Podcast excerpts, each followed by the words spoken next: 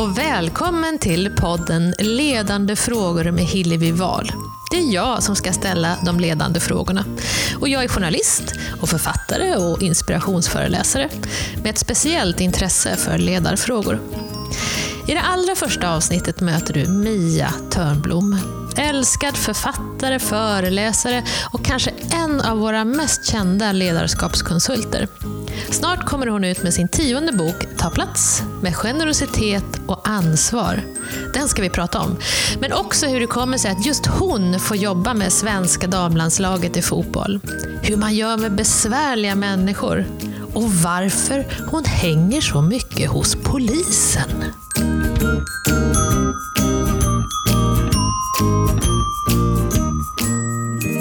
Jag släpper min tionde bok. Det skulle egentligen ha blivit en ren ledarskapsbok, men så kände jag, jag fyller 50, det är min tionde bok. Jag skriver en bok som säger det jag vill säga, inte bara till ledare. Och därför heter den Ta plats, med ansvar och generositet. För det är nog det jag vill säga så här mitt i livet. Att människor ska vara lite snälla. Ja, och jag tycker det där första, ta plats, är så viktigt. Mm. För när jag är ute och föreläser, då kan jag se hur tjejerna, kvinnorna, har gjort allt bakgrundsjobb.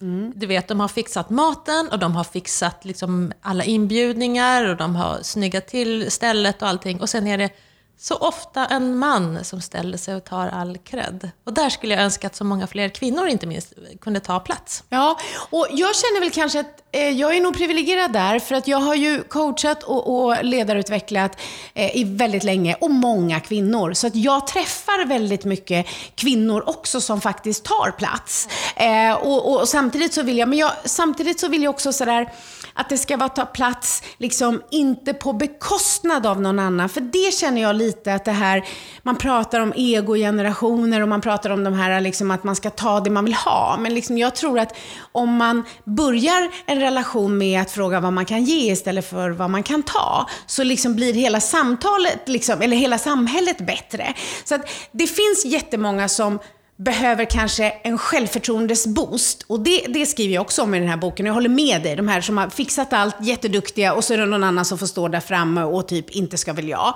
Så de vill jag uppmuntra. Men sen vill jag också uppmuntra några som redan tar plats att kanske göra det på ett lite skönare sätt. Okay. ja men alltså lite mer det här, liksom, eh, ja men bjussa. Eh, om du inte kan, rekommendera någon annan. Eh, det, alltså så här, eh, koppla ihop två personer som kan ha nytta av varandra. Alltså när jag skulle skriva min första bok eh, så var det flera som varnade mig därför att säga, men gud om du skriver om dina metoder så kan ju någon sno det. Och alltså, allt jag kan har jag lärt mig i mötet med andra människor. Genom att gå kurser, genom att läsa böcker, genom att själv leda kurser. Allt har givits mig för mig är det en självklarhet att jag ska ge det vidare. För mig är det att ta plats. Mm. Det var en väldigt bra definition. Faktiskt. Ja. Och du sa också någon gång när vi pratade att, att man ska stå på scen, inte för sin egen skull, utan för de som lyssnar. Ja, och, och, nu är det ju så att mitt riktiga jobb är ju liksom processleda, eh, ledarutveckla, coacha. Men sen har jag ju haft förmånen att mycket inspirationsföreläsa liksom, och, och så. Och, och, och också hjälpt jättemånga andra att både tala tränare men också gett uppdrag till andra. Och då har jag ju tidigt sett skillnaden mellan de som, som står där för sin egen skull och de som står där för att de vill ge vidare något till andra. Eh, och för mig är det en jättestor skillnad och eh, jag tror världen behöver väldigt mycket just nu en generositet, alltså att man ger, inte tar. Nej, eller kräver. Jag tänker om man går till sig själv bara, så tror jag att, att just att vi inte är så generösa kan bero på att vi är så rädda för att bli utnyttjade. Mm. För en del är det så. Och, bli utan, eller eh, att, att, att liksom bli förbisprungen, eller bli av med någonting. Mm. Men jag, jag, tror inte att det är så. Jag har byggt upp allt på ideellt arbete. Hela min karriär var en hobby som jag gjorde gratis, som sen blev ett yrke. Och det har jag fortsatt att göra och jag är övertygad om, alltså, jag ger, alltså får jag. Och jag tror på det. Och, och, och någonstans är det så här, vad ska de göra med allt de har roffat åt sig?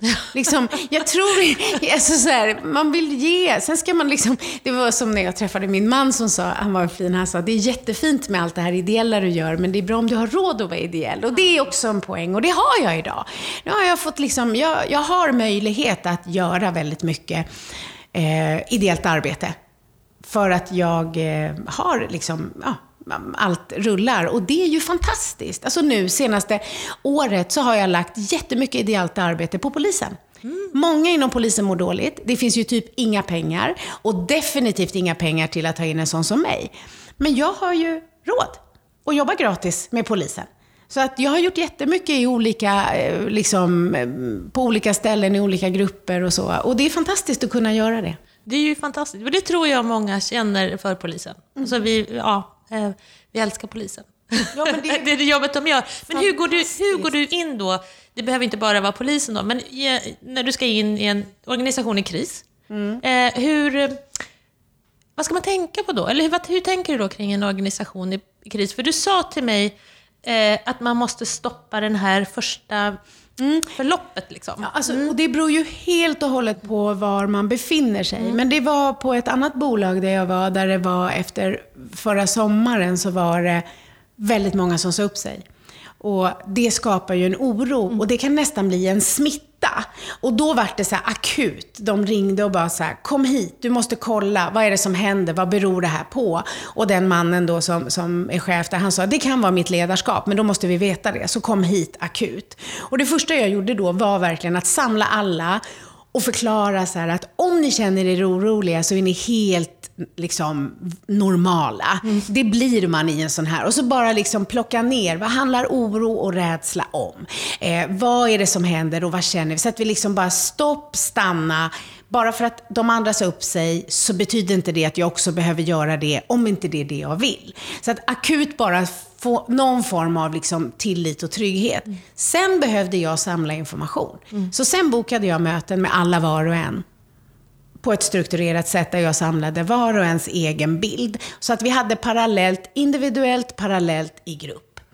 Och nu visade det sig att det var inte så farligt. Nej. Det var liksom det att det råkade sammanfalla, att det var dags av olika orsaker för några eh, att gå. Eh, och att det kanske då var så där efter en sommar, man har varit ledig lite och reflekterat, att det blev liksom, hade det varit under en termin eller vad man säger säsong, så hade det kanske droppat av lite mer efter varandra så. Eh, men just det här, beroende på vad krisen beror på. Sen kan det ju vara kris för att någon en central person på ett företag kan ha förekommit eller så. Jag var inne på ett annat ställe där det var en man som i en olycka dog, som var otroligt viktig mm. för den här gruppen. Då är det något helt annat som behövs göras. Så jag skulle säga att vad gör man i akut kris? Jo, man, man tar reda på behov. Ja. Är med och skapar en form av trygghet. Och se till att liksom se och bekräfta alla och ta tillvara på att försöka liksom stoppa den där oron som är osund. Alltså ett visst mått av oro kan ju vara sunt. Eh, men just det där. Så att det, det, samla information är nog det viktigaste.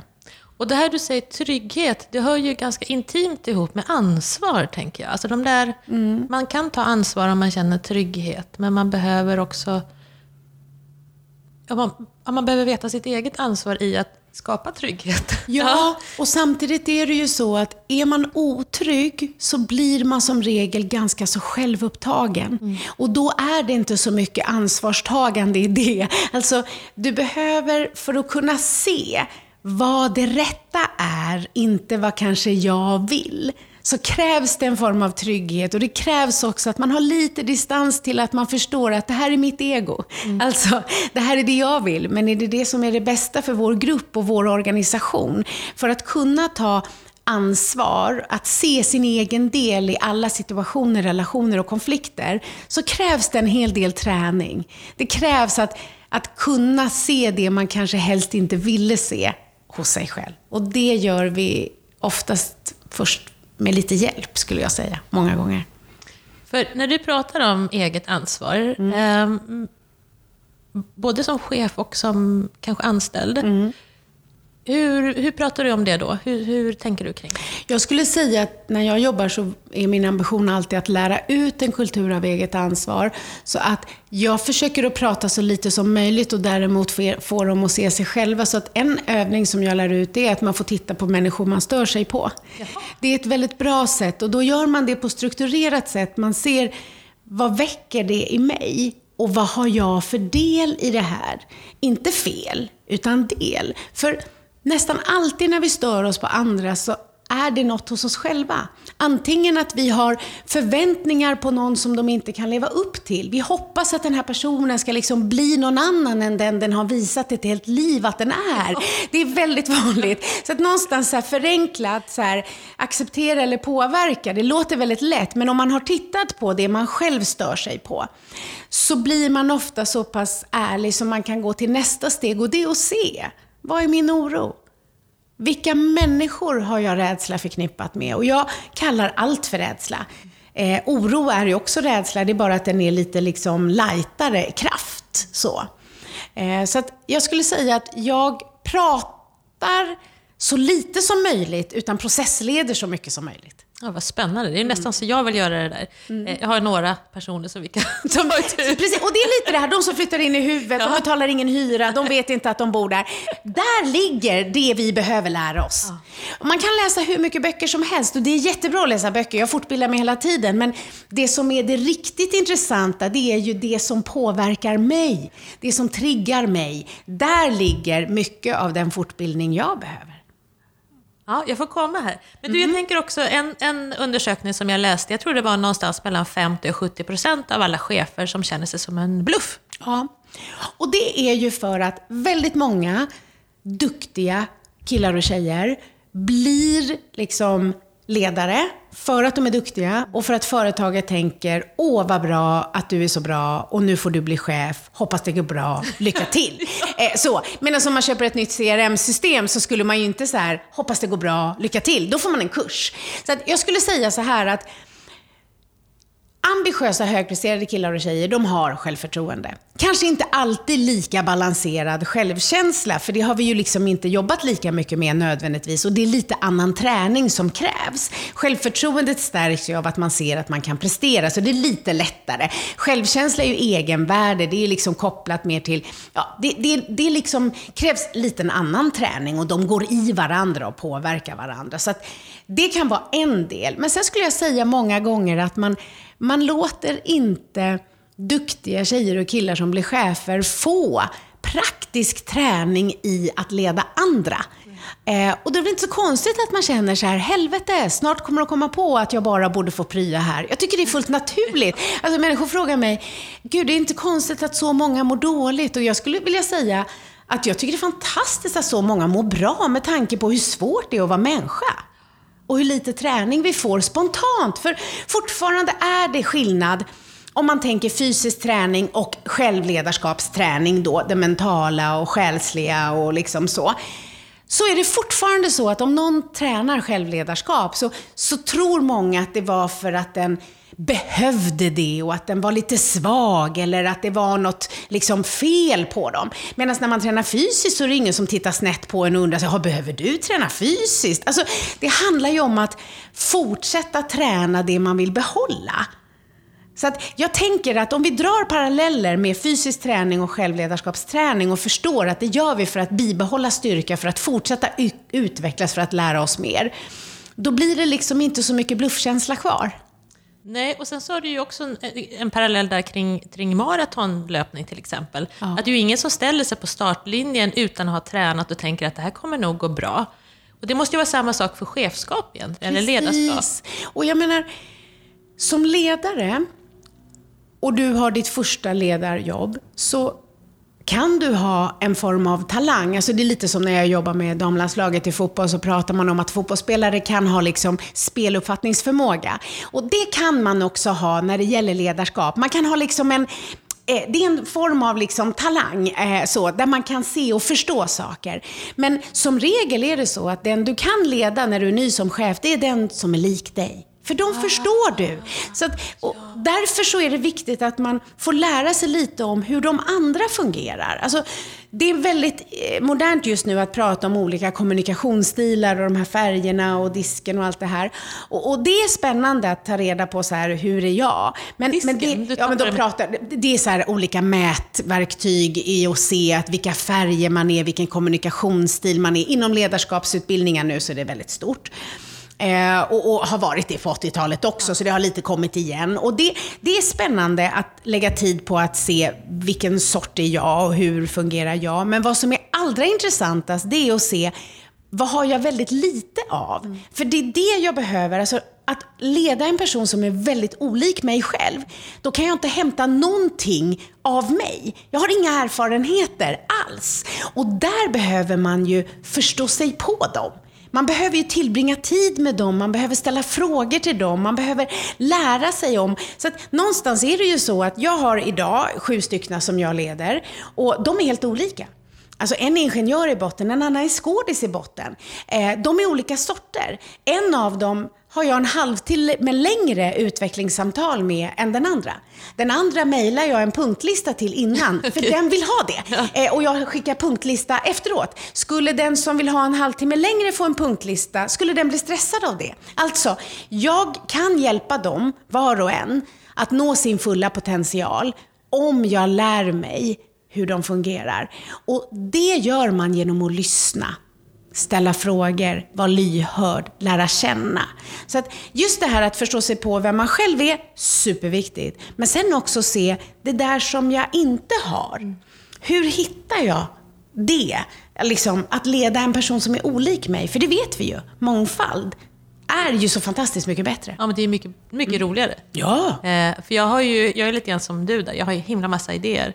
Eh, och då behöver man ha någon trygg människa som man kan bolla dem med och som kan bromsa lite ibland och säga att vi gör en sak i taget, Hillevi. Ja, men precis. Och det handlar ju om att komplettera sig med det man inte... Men det handlar ju också om att förstå.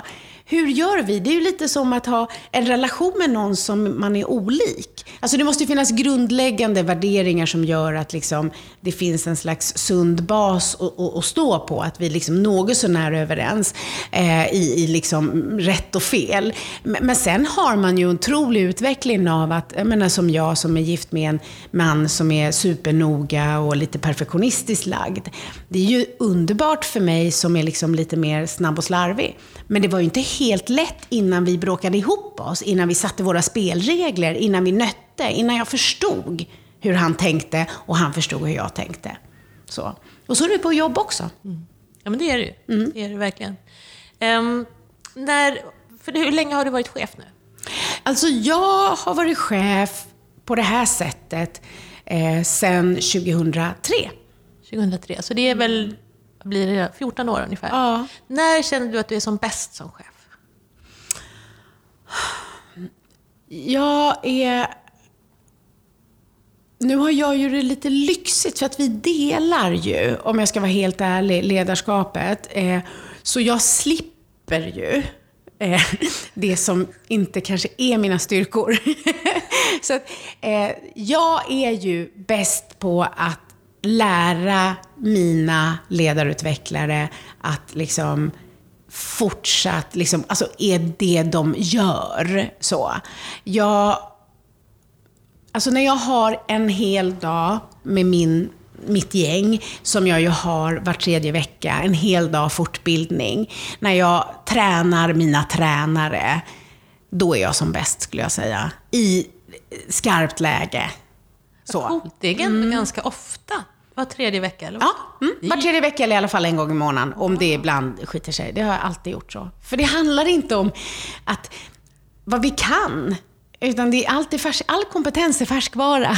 Alltså, eh, man kan kunna jättemycket och man kan ha läst fantastiska utbildningar men om man inte använt sig av kunskapen på ett tag, då är kompetensen inte så stark. Så vad får de med sig då på varje sån tre veckors Det måste vara olika grejer varje gång naturligtvis. Verkligen. Ja. Är det något som du har läst då? Eller hur, hur? Ibland. Ja. Väldigt ofta nördar vi in oss i våra egna metoder. Ja. Och väldigt ofta är det de som har en frågeställning eller har upplevt något. Så det är väldigt hands-on och väldigt så här vad vi gör. Vad roligt. Mm. När känner du att du är som sämst som chef då? Ja, men det är väl det här att... Eh, men det kan till och med vara så här, vi har en sån larvig sak här att man ska så boka rum i en kalender. Fylla i allt i CRMen. Jag är fan inte bäst där. Nej, och det är skit, det är så jävla sopigt liksom. För då, då är det som att då blev jag lite speciell och det är fan inget bra. Nej. Nej, jag ska leva som jag lär. Så att jag liksom, nej, jag ska säga det där. Ja, mm. Och så kommer jag undan för att jag är så glad och lite charmig och härlig. Och, och det är fan inte bra. Nej. Nej, så att eh, jag säger till mig själv nu, skärpning. Fyll i CRMet och boka rum. Så jag skulle säga, det är de där sakerna som jag kan slarva med, vilket ju inte är bra, för det betyder ju att jag visar dem att det inte är så viktigt. Vilket är Men det här att leva som man lär, det är viktigt. superviktigt. Ja. Och det gäller allting. Jag tänker Ja. också, nu läser jag en bok om grit, alltså det här jäklar anamma, eller vad säger man, uthållighet, eller sisu säger man på, Ja. på, på finska. Eh, den här lilla extra kraften att ta sig igenom eh, jobbiga eller tråkiga perioder. För det är ju lätt när det går bra. Och även där så säger hon, det är så viktigt att ledaren eh, lever som hon eller han lär. Att man visar att ja, men jag är med. Eh, och jag kan också kämpa mig igenom de här tråkiga, jobbiga grejerna. Verkligen. Och, och, och det handlar ju om det, att det går ju inte att säga... Alltså det kan man ju koppla lite till föräldraskap. Nu har jag ju inga egna barn, bara bonusbarn och massa gudbarn. Men, men, men just det här att vi vet det, att säga till någon och inte göra själv. Alltså, de speglar sig, de härmar. Så bokar jag inte rum, utan tycker att det löser sig, varför ska de vara ansvarsfulla och boka rum? Alltså det handlar ju om det där. Um, lär jag ut en metod för reflektion, då kan jag inte sluta använda den själv om jag vill att mina medarbetare ska använda den. Och vill jag att barnen ska komma i tid till skolan, då är det bra om lärarna också håller tiden. Ja, och framförallt om jag som förälder ser till att de faktiskt har möjlighet och lite marginal på rätt sida. Så. Är du helt orädd, tror du? Idag? Ehm, jag tror att jag har väldigt få osunda Alltså så här, jag är fri ifrån den här självcentrerade oron. Alltså, jag är medelålders, eh, jag är inte rädd för att saker ska gå åt skogen. Eh, men jag tar ansvar för saker som är verkliga. Alltså jag liksom, men, men jag har sunda rädslor idag och jag har gjort så många försök som inte har blivit bra och jag vet att det är lärdomar. Så att, ett kortare svar, är jag helt orädd? Ja, jag har lyckats med de metoder jag använder göra mig fri ifrån självcentrerade och destruktiva och eh, liksom opraktiska rädslor. Men jag är liksom inte galen. Nej. Utan jag förstår ju att om det är mörkt ute och jag ska hem och det känns som att någon är lite farlig bakom mig, då är det sunt att bli rädd. Så att det sunda finns kvar. Och det ska vara kvar. Men du, jag såg någon film på, på YouTube eh, där, med dig där du skriver assa och dissa väldigt stort. Och så tänker jag, vad betyder det där? Assa Ja. och dissa. Ja, och då är det ju, det är ju spännande det här med YouTube. Ibland vill man ju att folk filmar den och lägger upp och då blir det lite så platt och lite förenklat och man verkar korkad liksom. Nej, då inte. Nej, men i alla fall, så här.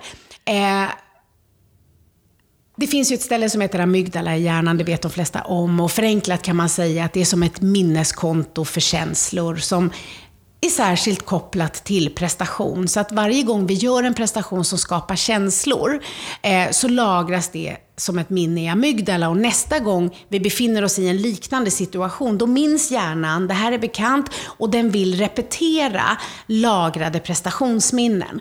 Och därför så ska man tänka på vilka prestationer man tillåter sig att koppla på känslor kring.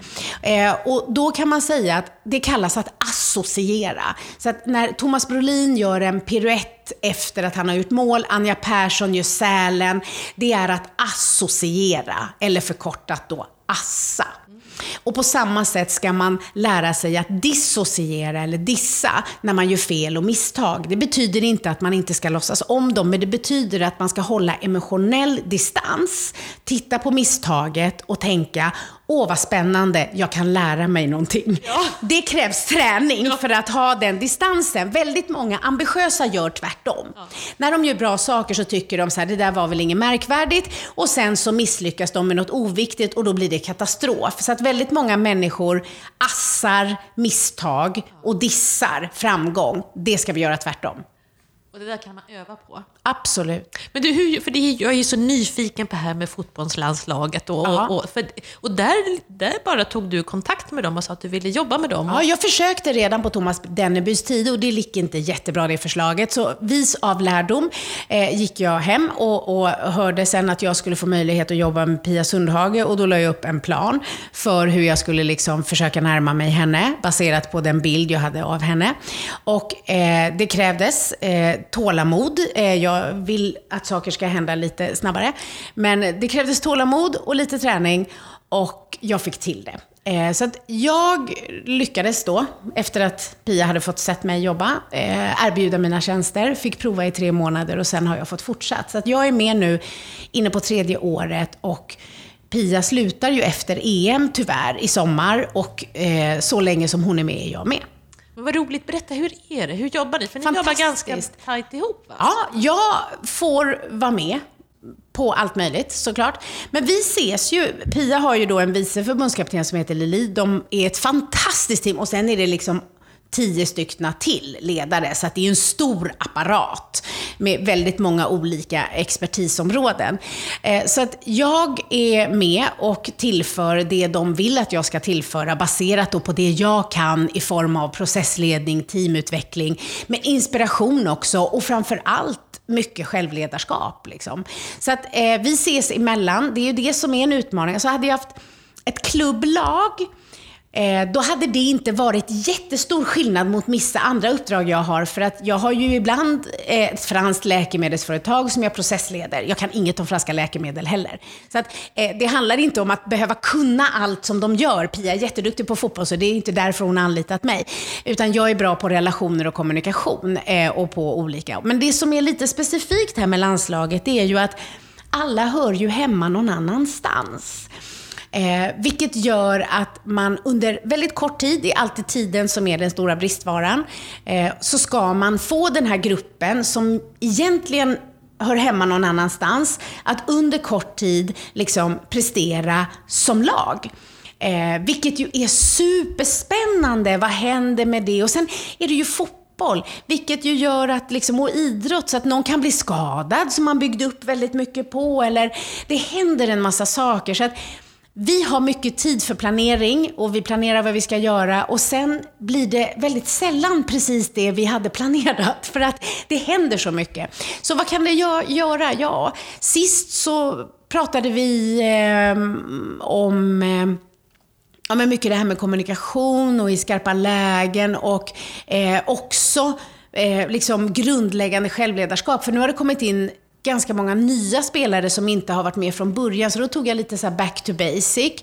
Eh, nästa gång vi ses så ska vi titta lite på hur hanterar vi, alltså på planen, eh, det här hur vi assar varandra. Alltså så, här, så det, det är väldigt mycket olika, men Pia leder ju mig i det arbetet. Så att jag finns ju där för att göra det hon vill att jag ska göra. Så ska man säga. Så det var ett långt svar. Ja handlar om att, att de ska lära sig bekräfta varandra, som du Ibland. säger. Ja. Och jag, och jag, alltså, jag, tror inte kanske lära sig. Alltså, jag tänker så här att de är väldigt duktiga. Mm. De gör väldigt mycket bra. Men, men liksom, på samma sätt som att de är också bra på att skjuta straffar, det såg vi senast i OS. De slutar ju inte träna på det. Så jag tror att det är det som man ska tänka på, att det här är liksom jäkligt högpresterade, superduktiga, som aldrig vill sluta bli bättre. Tycker de att det är roligt att träna hjärnan lika mycket som kroppen? Det skulle jag säga är väldigt individuellt, på samma sätt som det fysiska. Alla tycker inte att fysisk träning är jätterolig. En del tycker att det är väldigt roligt att spela match och lite mindre tråkigt att träna. Mm. Så är det. Det är tur att det finns både och. Då. Ja. Ehm, en, en sån där... Jag menar, det är ganska lätt att leda människor som, som är lika en själv, mm. som du säger. Men också, eh, alltså, hur gör man med de som är besvärliga? Mm.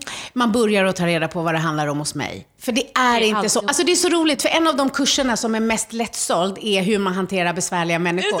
Ja. Eh, och, och, och, andra någonstans, precis, och någonstans så landar det ju alltid i att se, men vad är det i mig som gör att det här upplevs besvärligt för mig? För det är ju inte så att alla tycker att samma person är besvärlig. Ibland är det många som tycker att en viss sort är besvärlig. Jag skulle säga att många gånger så handlar det om att man själv inte har varit ärlig och tydlig. En del behöver träna på att sätta gränser. Andra behöver träna på tålamod. En tredje behöver träna på att vara tydlig i sin kommunikation. Så det handlar väldigt mycket om varför personen har blivit besvärlig. Är personen rädd, då behöver vi göra personen trygg. En del blir trygg av tydliga riktlinjer. Just det. Så är det också, så det går inte att förenkla på det sättet.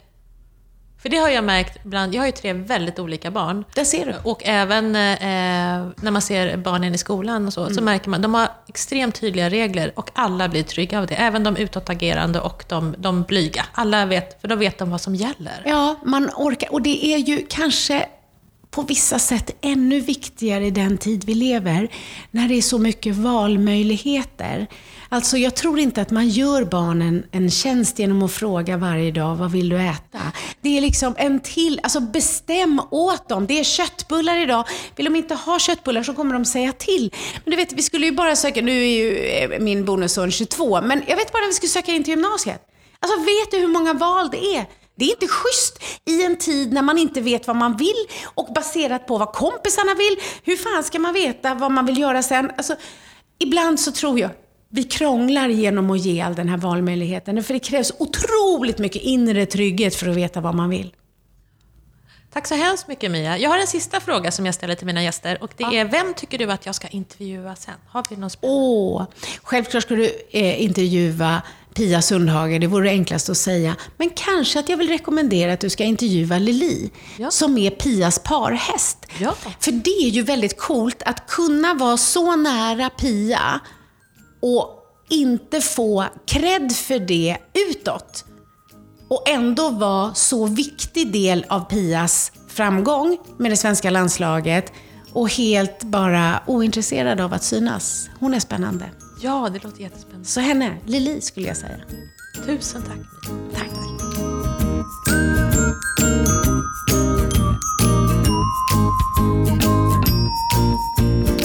Ja, det finns väldigt många olika sätt att leda på.